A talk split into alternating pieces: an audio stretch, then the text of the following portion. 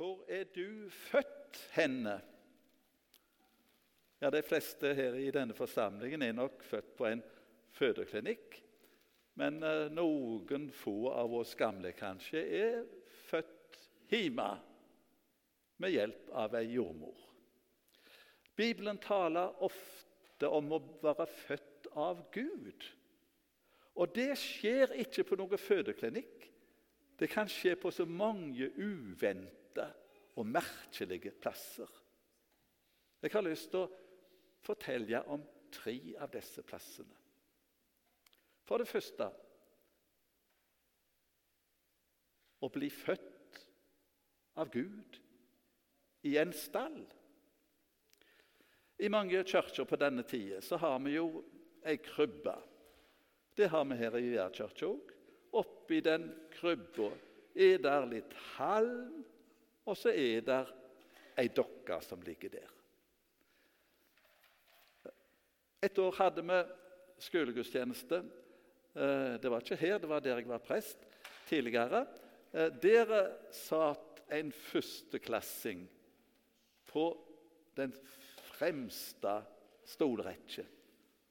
Og så når han så krybba og halmen og dokka, som han trodde var et lite baden, da sa han plutselig det må jo ha vært forferdelig å ligge oppi den halmen. Det stakk han sikkert voldsomt, sa han.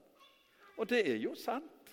Det var ikke noe behagelig å ligge i ei krybbe som var fullt av halm. Men jeg tror det måtte være sånn fordi Jesus var født av Gud. En gang vi var ute på Madagaskar, så, så traff jeg ei mor som kom med en nyfødt baby som var inntulla i papir. Hun hadde født hjemme i hytta der hun bodde. Og Der for der høns og andre dyr ut og inn. Og så gikk det gale under fødsel, og babyen død. Nå kom hun, nå kom hun med babyen som var inntulla i et papir for å levere han slik at han kunne bli begravd. Det står at Guds sønn ble født i en stall. Jeg tror det skjedde fordi at òg fattige mennesker skal kunne forstå at Gud er deres Gud. De fattige foreldrene hans hadde ikke noen annen seng eller krybbe. Det var en ganske merkelig plass å bli født i en stall. Den andre plassen, det er å bli født i en døypefont. For noen år siden så ble jeg oppringt av en mor en stund før jul.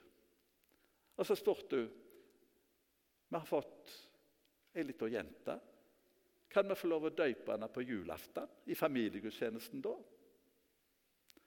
Jeg var akkurat på nippet å si at det syns jeg ikke passet så godt. For det var så mye folk da på julaften, og det var så mye som skulle foregå. Men så tenkte jeg meg litt om, og så kom jeg jo på at det var jo helt fabelaktig flott å ha dåp på julaften.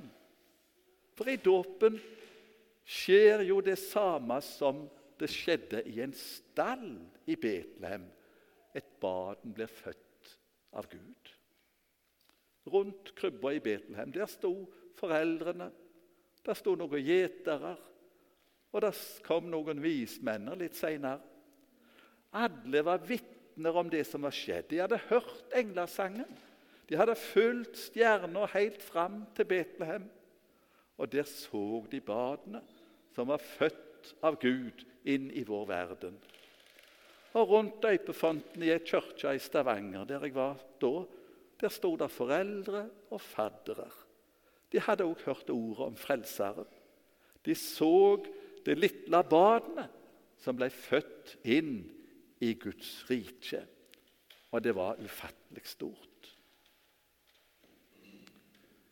For det tredje å bli født av Gud Mitt onde salmesang.